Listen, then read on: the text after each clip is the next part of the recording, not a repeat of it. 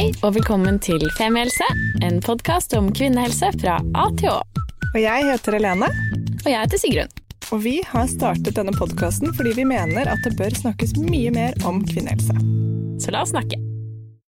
Hei, alle sammen. Velkommen til en ny episode av Femihelse om amming, faktisk. Whoop, whoop, whoop. Endelig. Vi føler at dette er jo, eh, som alle andre temaer vi tar opp, et veldig sånn innenfor kategorien femihelse. Eh, det har, for alle som får barn, tror jeg dette har veldig mye å si for ve og vel å være. Mye mer enn mange skulle tro. Og syke. Ja. Og det veldig mange sier til oss, er sånn Jeg var veldig forberedt på mange sier til oss, men mange av mine venninner har sagt til meg er mer riktig å si, at de var forberedt på at fødselen skulle gjøre vondt, de var bare ikke forberedt på at ammingen skulle være så jævlig.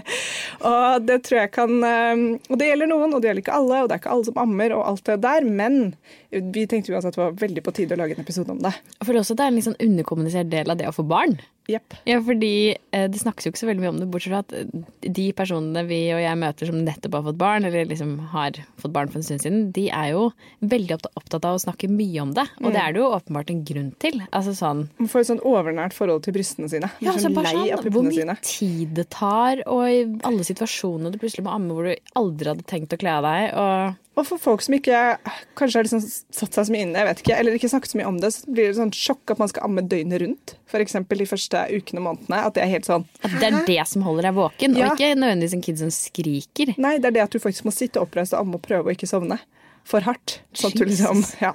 Så uansett. Og dette er et stort tema. Et sånn ganske no pun intended utømmelig tema. Hihi. Hi-hi. Men vi er jo da ikke eksperter på amming. Nei, ikke ennå. Så vi er så heldige å ha med oss Camilla Krogli Hansen. Velkommen i studio. Tusen takk. Skikkelig hyggelig å ha deg her. Hyggelig å være her. Du er jo det man kaller for en ammehjelper. Du jobber i Ammehjelpen, eh, og jobber også som nettredaktør. Jeg føler sånn Ammehjelpen er sånn den ultimate ekspertisen på dette området her. Så veldig fint å ha deg her. Og egentlig bare en ting om ammehjelpen først. fordi det du, Når vi sier at du jobber der, så stemmer det fordi du jobber også med sånn kommunikasjonsarbeid og nettarb eller nettredaktør for ammehjelpen, men du er Ja. frivillig ammehjelper, er man Ja. ikke det? Ja, Ja. ikke sant? Alle ammehjelpere jobber frivillig, uten lønn, på fritid. For hva, altså, hva er egentlig Ammehjelpen? Ammehjelpen ble starta eh, som en adhoc-organisasjon, faktisk, eh, for 51 år siden. Hva betyr adhoc-organisasjon? Adhoc betyr at den skulle være midlertidig. Ja. Oh. Så vi jobber egentlig med å gjøre oss sjøl overflødig. Ok. Eh, men i løpet av 51 år så har vi jo ikke klart det.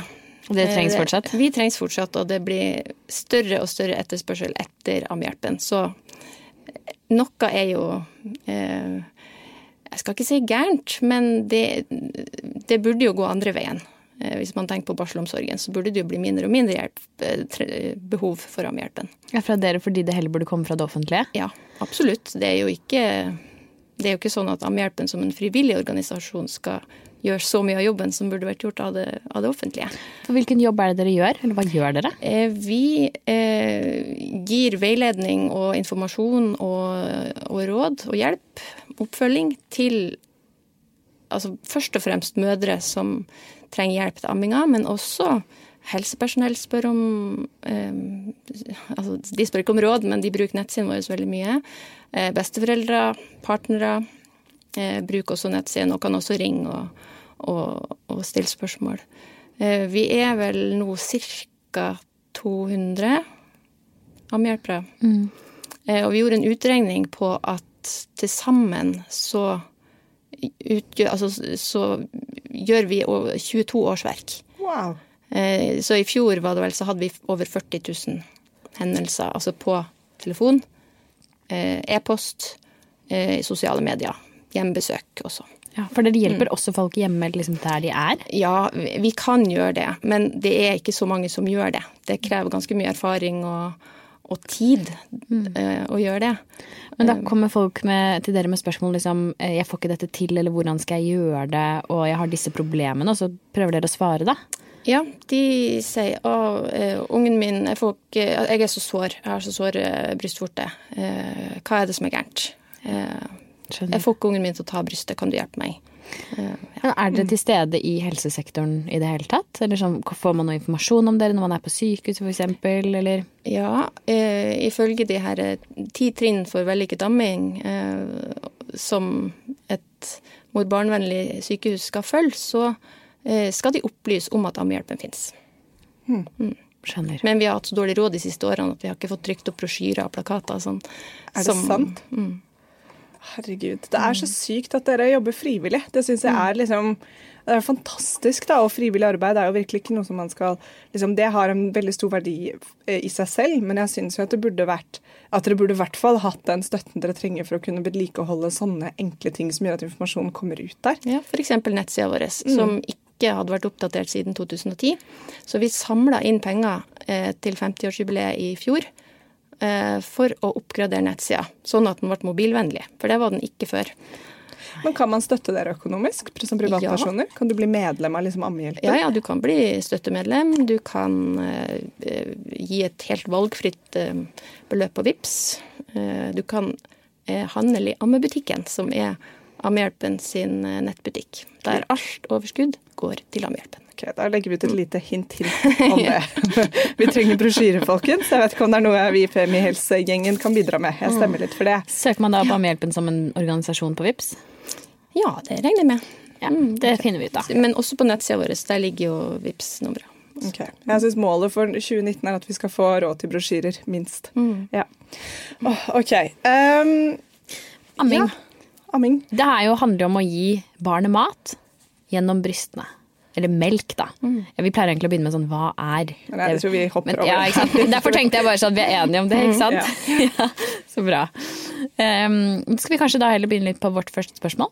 Ja, og det er jo liksom derre Hvorfor er det sånn at noen får til amming og andre ikke gjør det? Når det er liksom verdens mest naturlige ting. Akkurat det er et ganske komplekst spørsmål. Uh, og jeg liker egentlig heller ikke at man sier at man får til eller ikke får til. Eh, for vi er jo ikke egentlig eh, ment å skal gjøre det her alene. Eh, og når man ser at man ikke får til eller ikke mestrer, så legger man ofte skylda på seg sjøl når det ikke går. Og det er i de aller fleste tilfeller helt feil. Skylda ligger ikke der. Den ligger et helt annet sted. Hos manglende hjelp, oppfølging, hos helsepersonell som skulle ha hjulpet deg helt fra starten av. Eh, veldig veldig fint poeng. Skikkelig viktig poeng.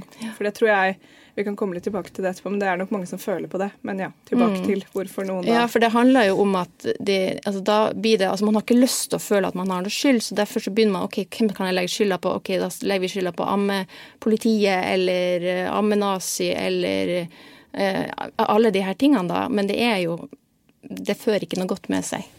Så ja. Men eh, ja, altså Hvorfor noen får til og andre ikke, så satt på spissen så handler det, handler det om hvor god hjelp eller hvor dårlig hjelp du har fått.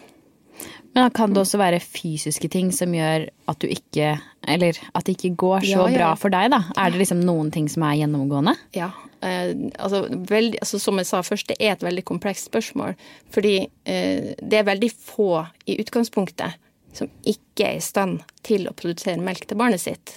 Eh, noe annet vil jo være litt sånn rart, i og med at evolusjonen har ført oss dit vi er. Eh, men så er det veldig mange ting som kan gå gærent på veien, da. Eh, og en god ammeveileder, som det ikke finnes kjempemange av i Norge. Så det finnes mange veldig gode helsesykepleiere og, og, og jordmødre og helsepersonell som, som er gode ammeveiledere, men det er egentlig altfor få. Og en god ammeveileder vil eh, kun stille de riktige spørsmålene, finne ut hvor er det utfordringa ligger. Er det hos barnet? Er det i selve overføringa mellom puppe og barn, eller er det hos mor? Eh, og eh, ungen kan jo ha ulike utfordringer som ja, stramt tungebane, eh, eh, spenninger i kjeven som gjør at den ikke klarer å gape ordentlig. Eh, det kan være noe med måten som mammaen legger ungen til brystet på. Altså ammestilling, alt det der. Og det kan også være noen som har eh, for lite eh, sånn kjertelvev i brysten, sånn at de ikke klarer å produsere nok melk. Eh, eller som har såkalte tubebryst, som eh, ja, Det er ikke vanlig, men det, det finnes. Og når en sånn mamma da får beskjed om ja, men det er bare ammei, du må bare prøve, du må bare legge den til flere ganger, så, så er jo det helt ja, ødeleggende for veldig mye. Fordi det er ikke bare å gjøre det. Det er ikke mulig, Det er rett og ikke slett. mulig. Nei. Hun kan kanskje dele om og gi litt morsmelk, eh, men fullamming er kanskje ikke mulig. Og det skal helsepersonell eh, kun identifisere. De skal kun se ok, du er kanskje en av de. Her er grunnen til at du ikke kan fullamme. Og da blir det ofte lettere for den mammaen å eh, akseptere at ok, det er ikke min feil, det er ikke min innsats. Det bare er sånn. Det er, ja, det er jo så viktig, det der å identifisere liksom, er, hvor kommer dette fra.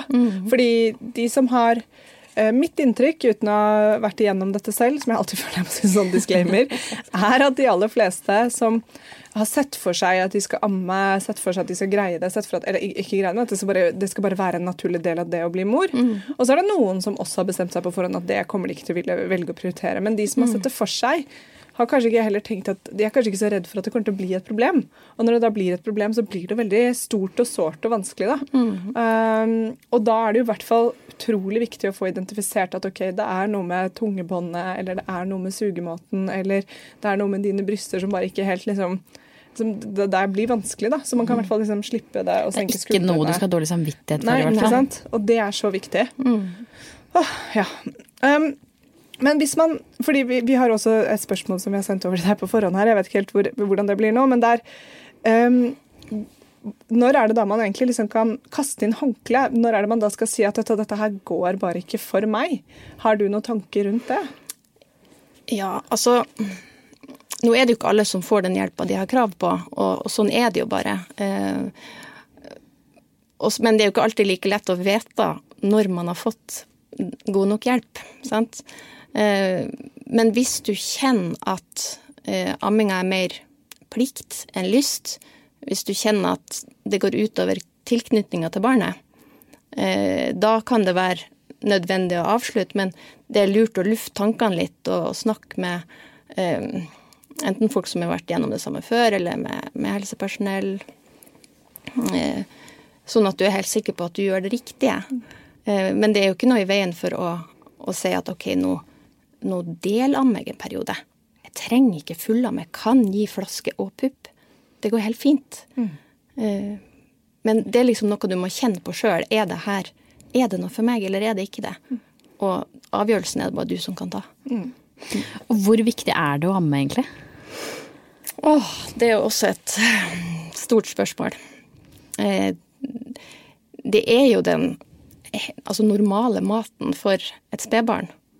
Eh, og det er jo mange helsefordeler for, for ungen, men eh, jeg vet ikke hvor mye vi skal snakke om det her, for alle vet jo at det er liksom det meste maten for spedbarnet. Men eh, siden det her da er en sånn podkast om kvinnehelse, så kan man jo snakke litt om hvor viktig det er for, eh, for den som ammer, å amme.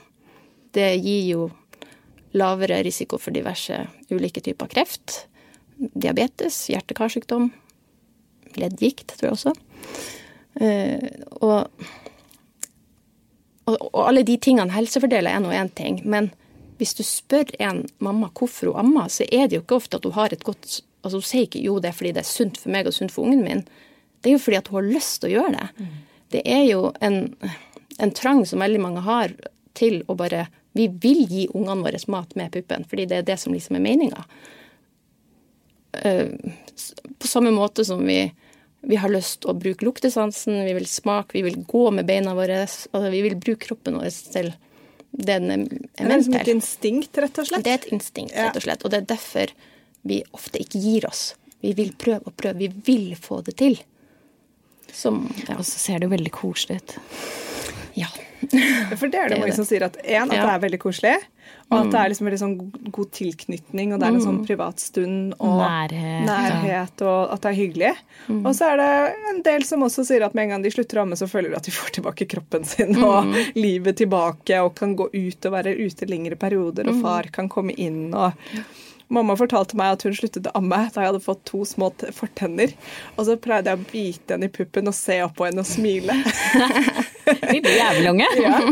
Og jeg sånn, altså hun hylte jo, ikke sant? Og da, altså, gliste jeg opp med to små tenner. Da var det bare ferdig snakka, no more boob for you. tomatsuppe på deg fra nå av.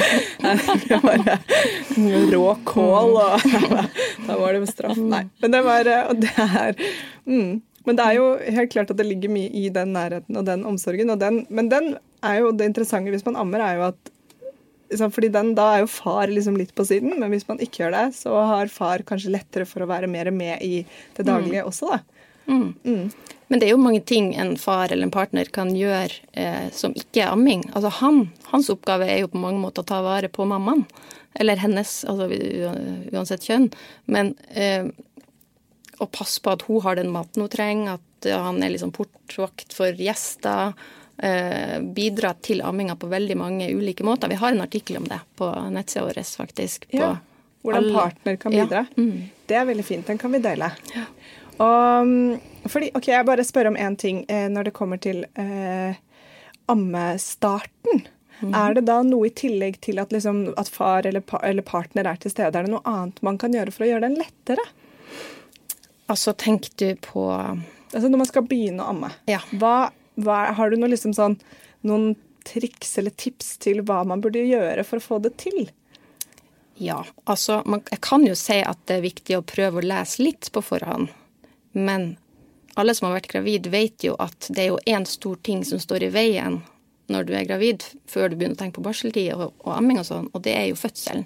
Og den er ofte Altså det er så vanskelig å se forbi den for veldig mange. sånn at den informasjonen man får og det man leser, det er ikke sikkert at det fester seg. Men du kan f.eks. melde deg inn i ammehjelpsgruppa på Facebook, som er ammehjelpens gruppa, lukka gruppa for mødre og, og helsepersonell. Eh, og der vil du kunne se hva andre mødre sliter med, men eh, det er ikke sikkert at du klarer å relatere deg til det som, som gravid, da. Men du vet at den er der. Vi har også en kategori på nettsida vår som heter Ammestart, med masse artikler som kan være relevant eh, i starten. Men hvis du skal gi din gode venninne som snart skal få barn, eh, dine liksom beste mm. tips til ok, dette bør du tenke på når den kiden er ute, og du er gjennom fødselen, og du får den opp på brystet, og de neste ukene mm. skal du begynne med amming. Hva bør hun tenke på da? Da vil jeg si at Husk at den babyen her er født ganske umoden.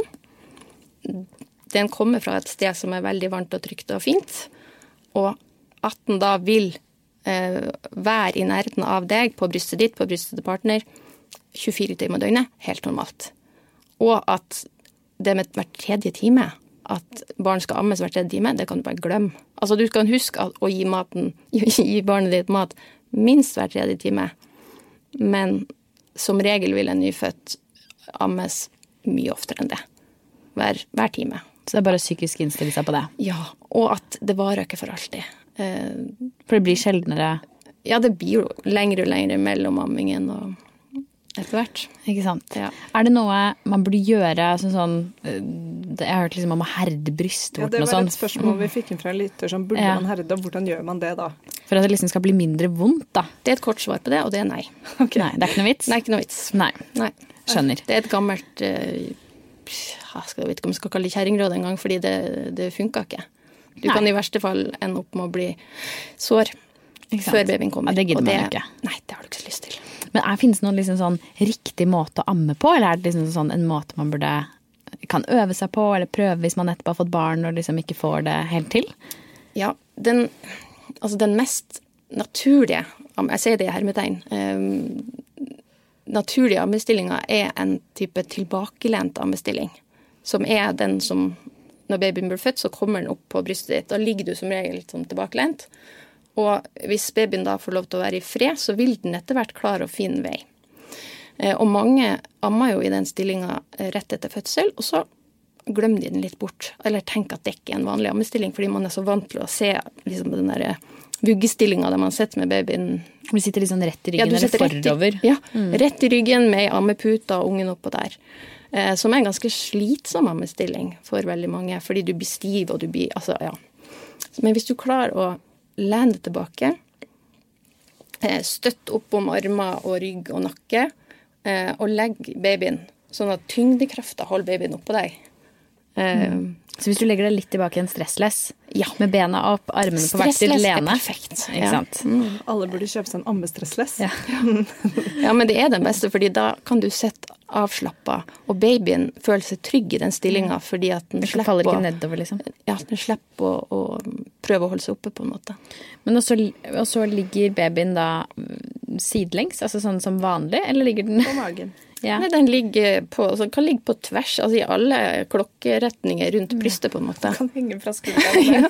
Jo, men du kan det faktisk det. Ja, Ja. interessant. Har du noen test når du Ja, ja, ja. Det nå gleder jeg meg. Nå er det bare å bli smelt på tjukka, så jeg får testet det over skulderen min. Og så, ok, så da ligger du bakover. Eh, tyngdekraften tar seg av det, sånn at liksom babyen ligger trygt. Mm. du har støttet nakke, armer. Skal du gjøre noe spesielt med brystet ditt da? Eller Det kommer litt an på brystet ditt, egentlig, og på barnet. Eh, For i den stillinga så vil de aller fleste barn gi et skikkelig fint gap, eh, sånn at brystknoppen havner langt bak mot den bløte delen av ganen. Og det er viktig, fordi ellers så ender du opp med gnagsår og sår på brystknoppen. Okay. Mm. Så den beste ammestillinga er jo den som føles best, der du ikke har vondt. Og det er mange som syns at den tilbakelente stillinga funka godt til det. Jeg har også hørt om hamburgergrepet, for eksempel. Er det en greie? Ja da, det er en greie. Eh, Du kan støtte, eh, altså holde brystet som om det var eh, en hamburger. Som Skvise det litt, liksom? Ja, sånn at altså, du former det. Sånn at det blir lettere å få tak på for babyen. Ok, Så det kan også være noe å prøve? Det kan det. Mm. Vi har også en artikkel om det. Vi har 130 artikler på nettsida vår, så det er en artikkel om det aller meste. Om det aller meste. For det høres ut som liksom alt er så individuelt at det er litt vanskelig å her og nå sitte og si sånn dette er den beste måten å amme på. Ja, for det fins ikke. Eh, Det, det er individuelt. Det, det om å gjøre at altså det viktige er at det føles behagelig for deg. Ja. At babyen får i seg den melka han, han eller hun skal ha. Ja. Og at ja, du ikke blir sår. Ja. Hvor lenge burde man egentlig amme? Det er opp til den som ammer. Ja. Ja. Norske helsemyndigheter anbefaler jo at barn får morsmelk i første leveår, gjerne lenger, hvis mor og barn trives med det. Eh, WHO anbefaler to år, eh, eller lenger. Men altså, det fins jo ingen øvre grense eller nedre grense, fordi det Så lenge det funker for deg, liksom. ja. Ja. Så det er like normalt å amme en baby på tre måneder som det å amme en treåring, f.eks. Ja. Ja.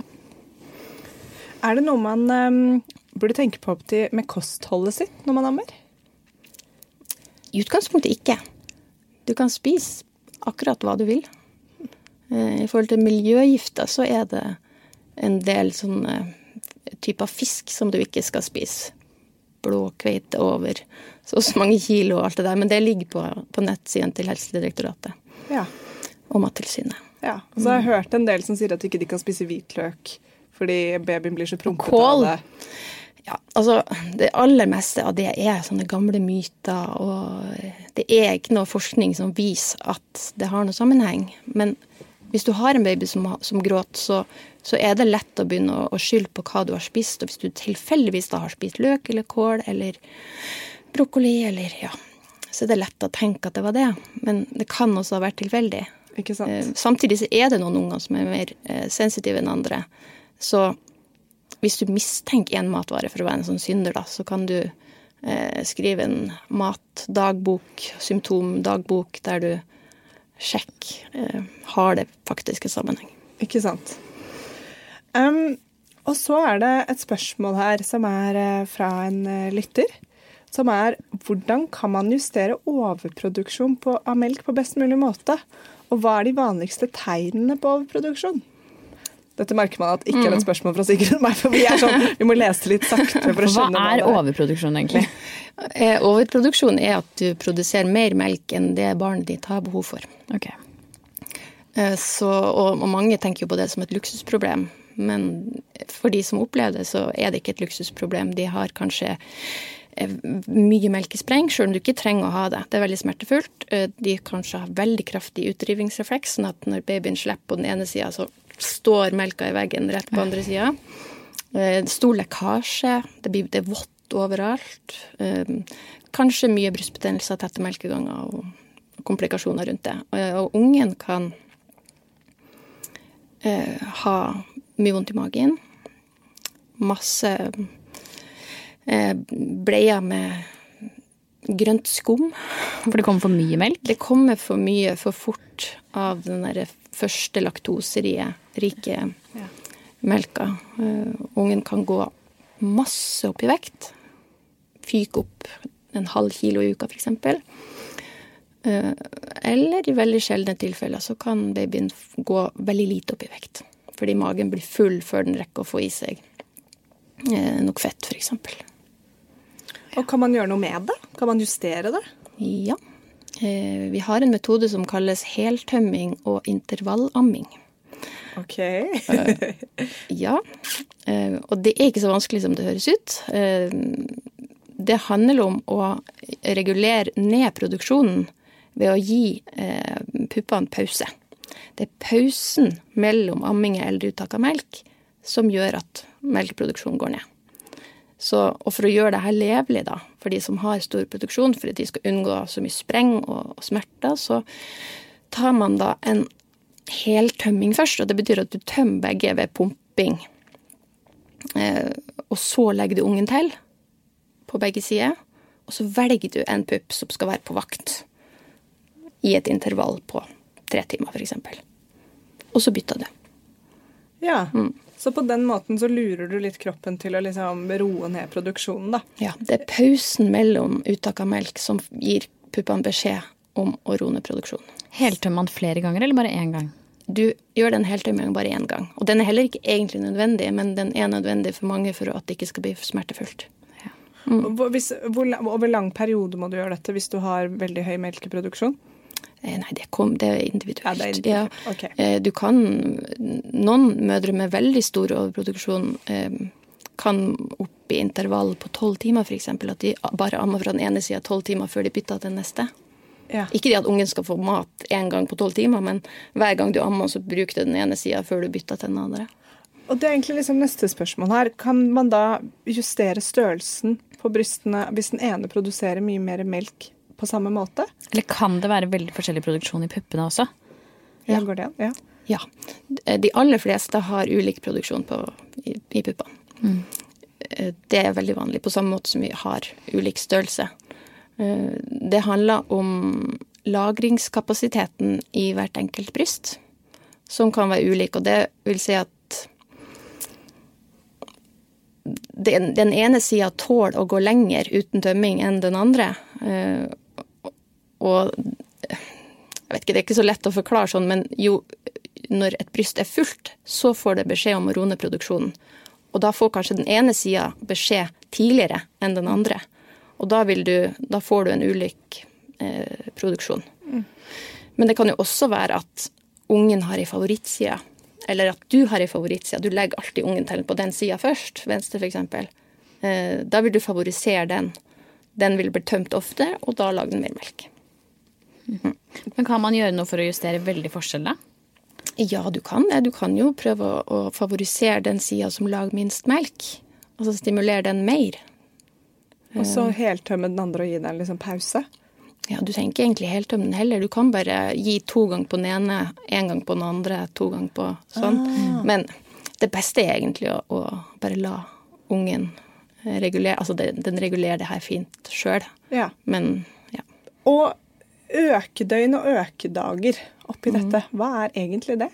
Innimellom så vil barn ammes oftere enn de har gjort de andre dagene.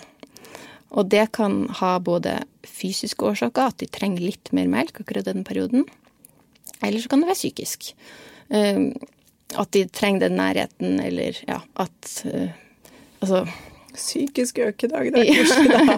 Må Jo. bare være tett på, jeg. Ja.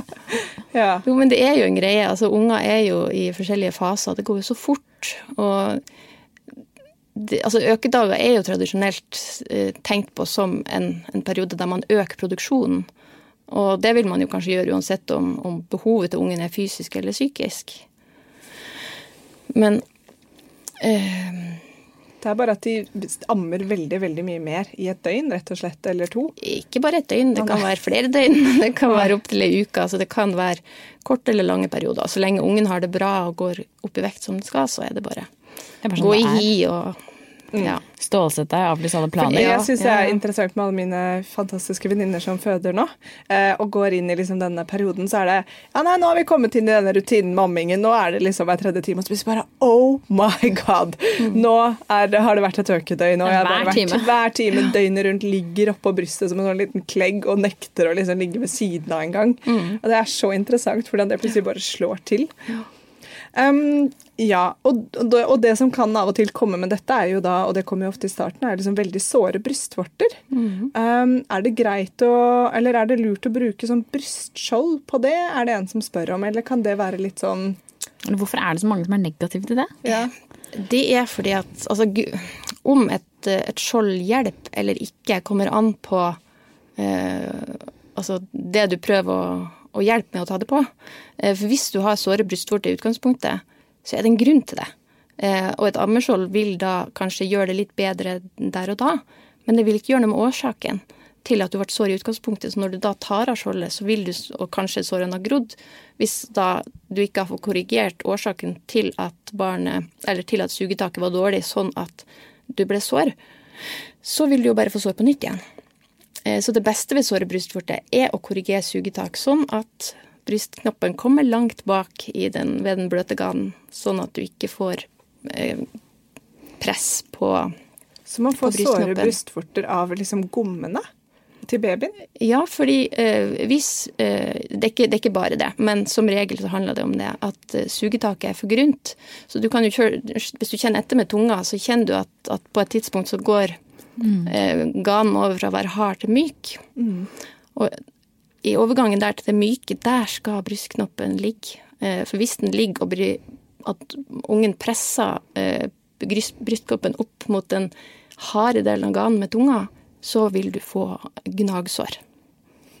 Jeg kjenner veldig inn i min egen Jeg vet. Jeg, altså, tenk, jeg tenker på det, veldig, jeg får nesten litt brekningsreflekser bare av å men tenk deg så liten munn man har, da. Du er som en femkroning i munnen når du er så liten. Ja, liksom. Godt poeng, faktisk. Ja. Fordi jeg ser for meg nå liksom en munn bare fylt Jo, men med det skal jo det. Ja. Det skal fylles av bryst. ja. Ja. Hm. Man skal ikke liksom bare Som å sitte på tommelen. Nei. Jo, Nei, litt det er sånn jo- å sitte på tommelen, faktisk, for da har du Ja, da har man en lang pakke. Ja. Ok, sitte på Ja, Noe Sitte på noe lite. ok. Ja. ok. Så det er det man Hvis man, hvis man sliter med såre brystvorter, så, så er det lurt å se på sugeteknikken til babyen. Ja. Ja. Det er lurt. Men samtidig så er det jo ikke sånn at, bryst- at skjold, hvis det er det som får amming, amminga til å fungere, så er det jo ikke feil.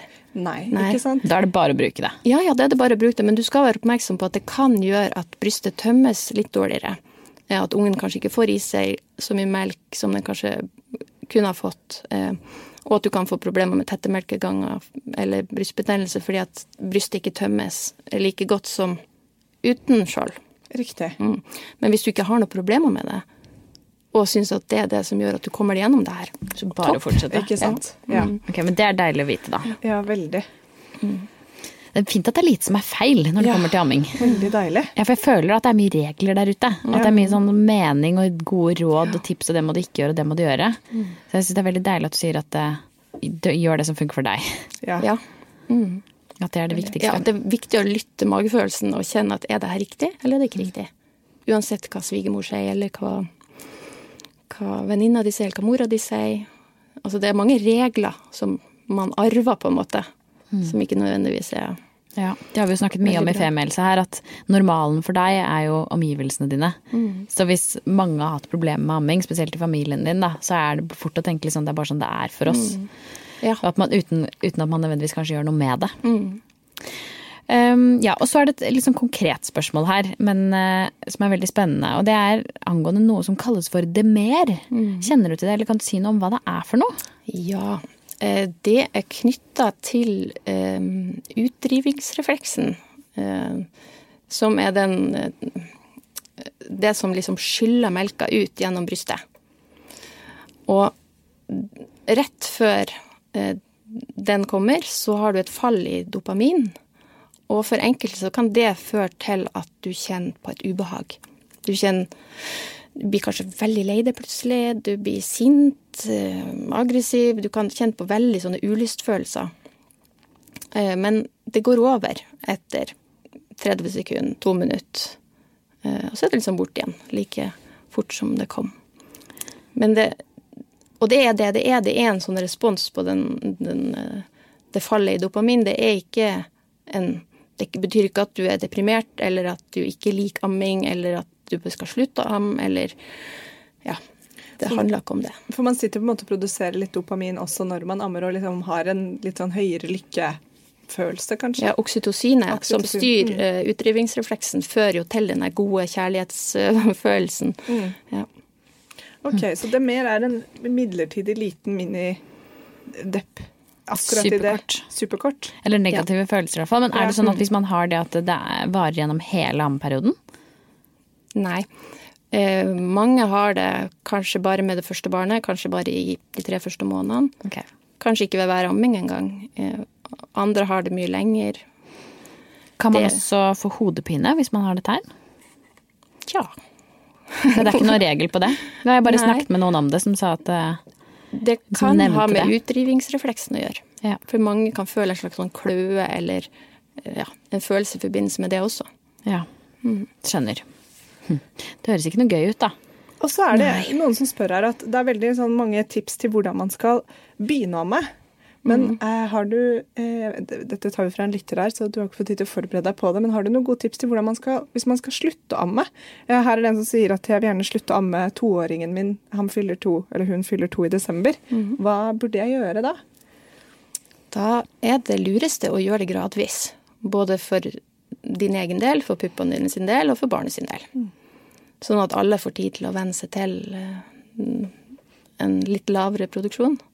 Um, en brå ammeslutt, altså der du slutter liksom over natta eller over dagen, um, kan føre til et fall i hormoner eh, som gjør at du blir deprimert.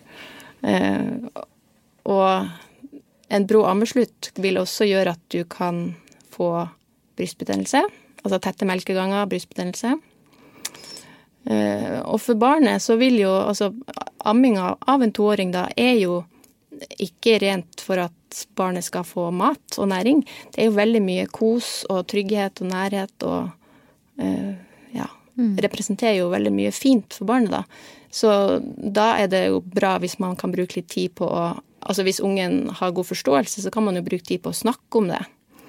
Eh, og, og på en måte Forklare hva det er som skjer, ja, forklare hva som skjer. Og si, for eksempel hvis det handler om nattamming, da, så kan man jo si at puppen skal sove om natta. Eh, og at man som gir, gir alternativ, da. Nei, det er ikke Du kan ikke få pupp nå, men du kan få eh, du kan, kan, Vi kan lese i bok. Du kan få et glass eh, Du kan få litt yoghurt, eller du kan få altså noe annet som ungen, ungen liker godt, da. Noe annet kos, liksom? Ja, noe annet kos. At man òg i den perioden passer på å bruke ekstra mye tid og, og tar imot de følelsene som, som kommer. Men alt annen her, form for kos. en annen form for kos, ja.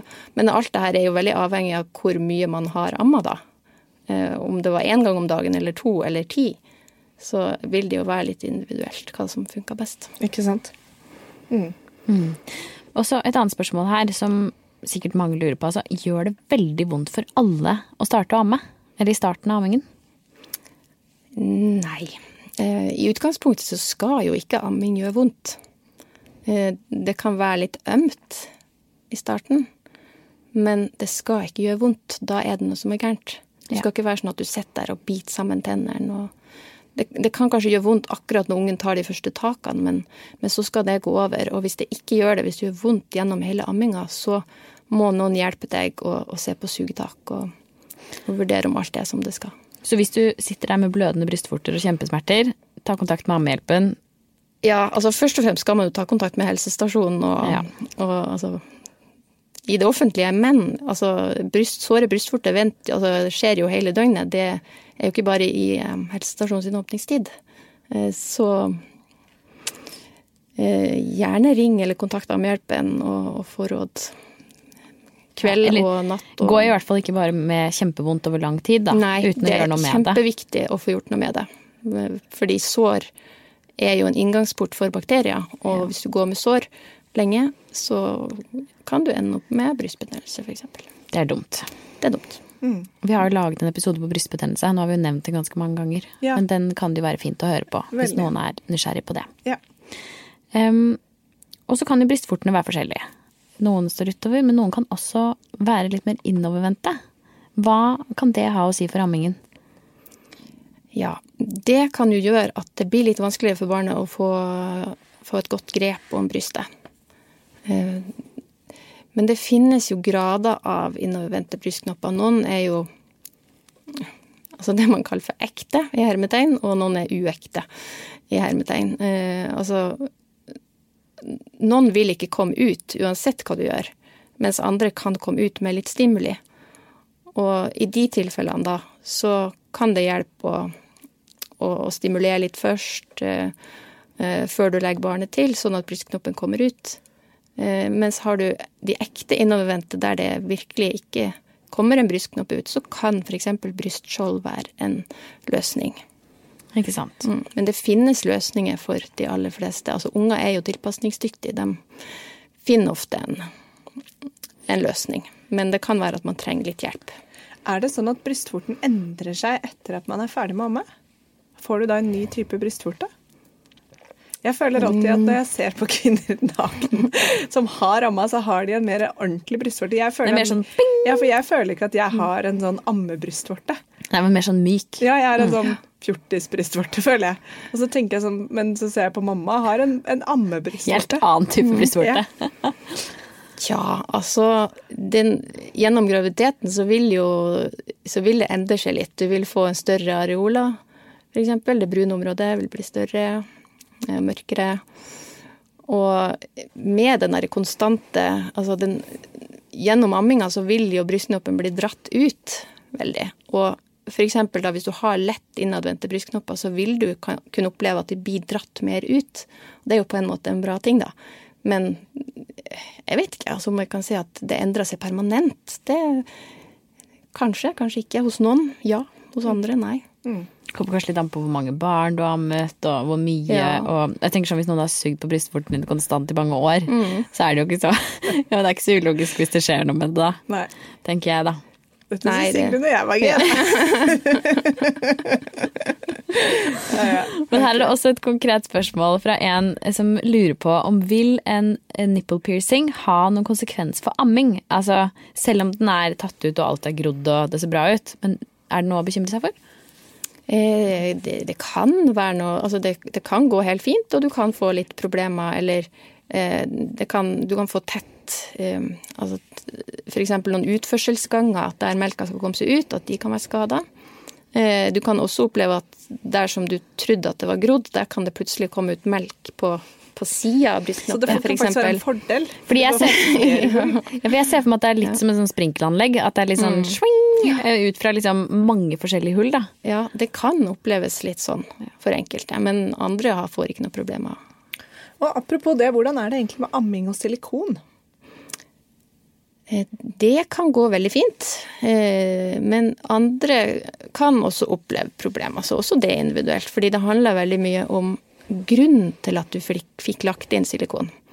Hvis grunnen var at du f.eks. hadde tubebryst eller lite kjertelvev, så vil jo det så vil du jo ikke få altså Selv om brystene da er større, så vil du jo ikke ha noe mer kjertelvev, på en måte. så da vil du jo ha det samme problemet som du ville hatt uten. Oppfølgingsspørsmål på det. Sorry, nå avbryter jeg. Men små pupper, knøttsmå, kan, er, kan det være, bety at det blir vanskeligere å amme? Ikke i utgangspunktet, nei. Ok. Jeg husker Men En venninne av meg fortalte at hun, eh, hun sa at hun hadde sånne små speilegg, men de produserte fløte. Hun sa de var helt perfekte til å amme. Ja. Hun var liksom sånn, Jeg har aldri måttet gå med bh, men de produserte liksom De har født opp to barn. Fy faen. Ja. Men det, det er absolutt en greie, altså. For mange tror at å ja, du har små pupper, da kan du ikke amme. Men det handler om lagringskapasitet og, og, og, og eh, de kjertlene som produserer melk. Og det kan du ha lite av eller mye av, uansett om du er store eller, eller små. Det viktige er jo at hvis eh, puppene dine ikke har endra seg gjennom eh, pubertet, gjennom graviditet, hvis du ikke har merka noen endringer, da er det litt sånn fare på ferde. da kan du være en av de som ikke har, eh, har kan produsere melk. Eller ikke, ikke nok melk, da. Ja, skjønner. Mm. Ok, men tilbake til silikonen. Eh, Så hvis du i utgangspunktet har små pupper, eh, men har fått lagt silikon oppå, eh, så, altså, så har det ikke nødvendigvis noe å si. Nei, eh, for mange de ammer helt problemfritt med silikon. Men eh, du kan få litt problemer med lagringskapasiteten. Altså fordi det presset som oppstår mellom ja, silikon og melka og puppen og alt det, kan gjøre at, at puppen oppfatter at den er full før den egentlig er det, og vil da bremse produksjonen. Men eh, Og du kan også ha litt problemer med, med nerve... Altså eh, nervene ute i brystknoppen, sånn at du kan trenge hjelp av et type syntetisk eh, oksytocin for å få i gang utdrivingsrefleksen. For silikonen kan da rett og slett liksom ta opp noe av plassen i puppen, da. Og brystreduksjon, da, hvis man har tatt det, kan det ha noe å si?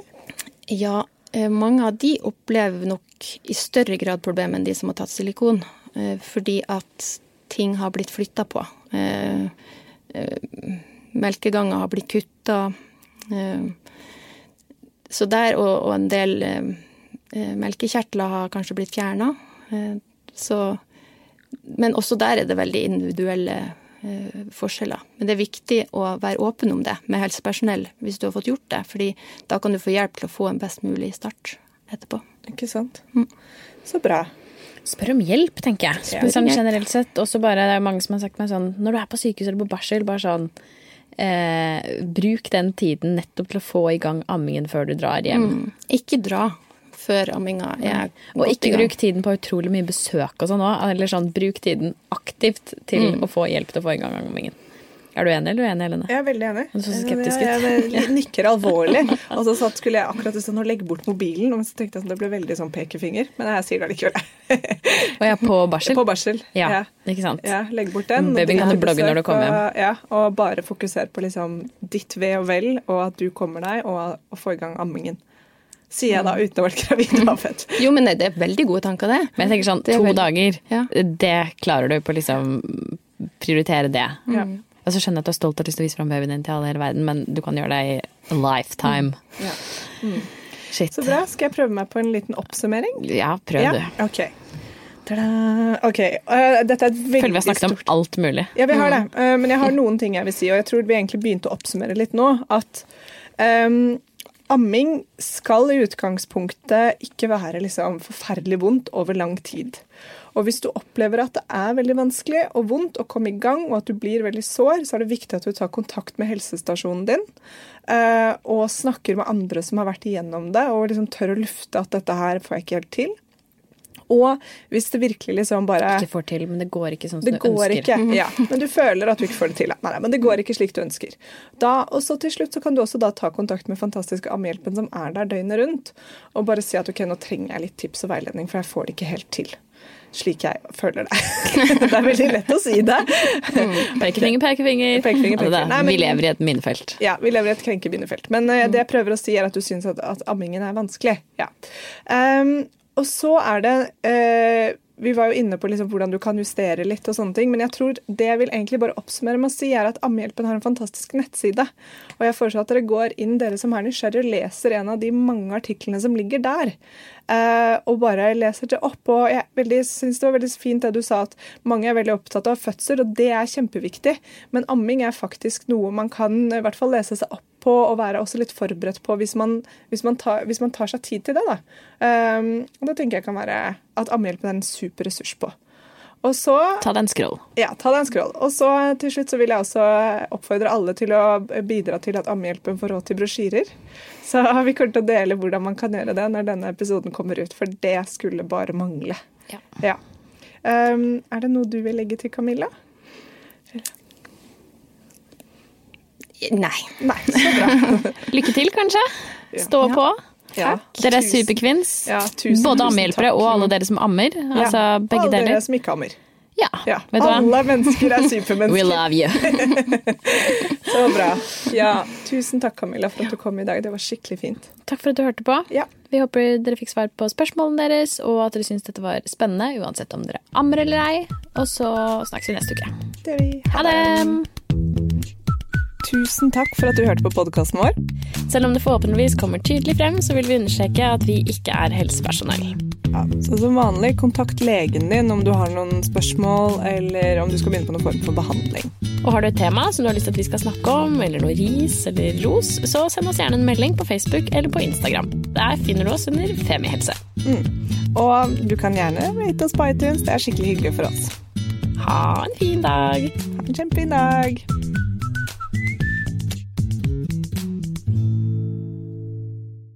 Vi i Rema 1000 kutter igjen prisene. Nå på en mengde påskefavoritter. For eksempel kutter vi minst 25% på gourmetstykket fra Hatting, 150 gram bacon fra Nordfjord, rett i koppen-suppe fra Toro og andre påskefavoritter. Alt dette og enda flere priskutt på minst 25% For det er sluttsummen på påskehandelen som teller. Og husk at vi fortsatt har fryst prisen på over 1000 varer.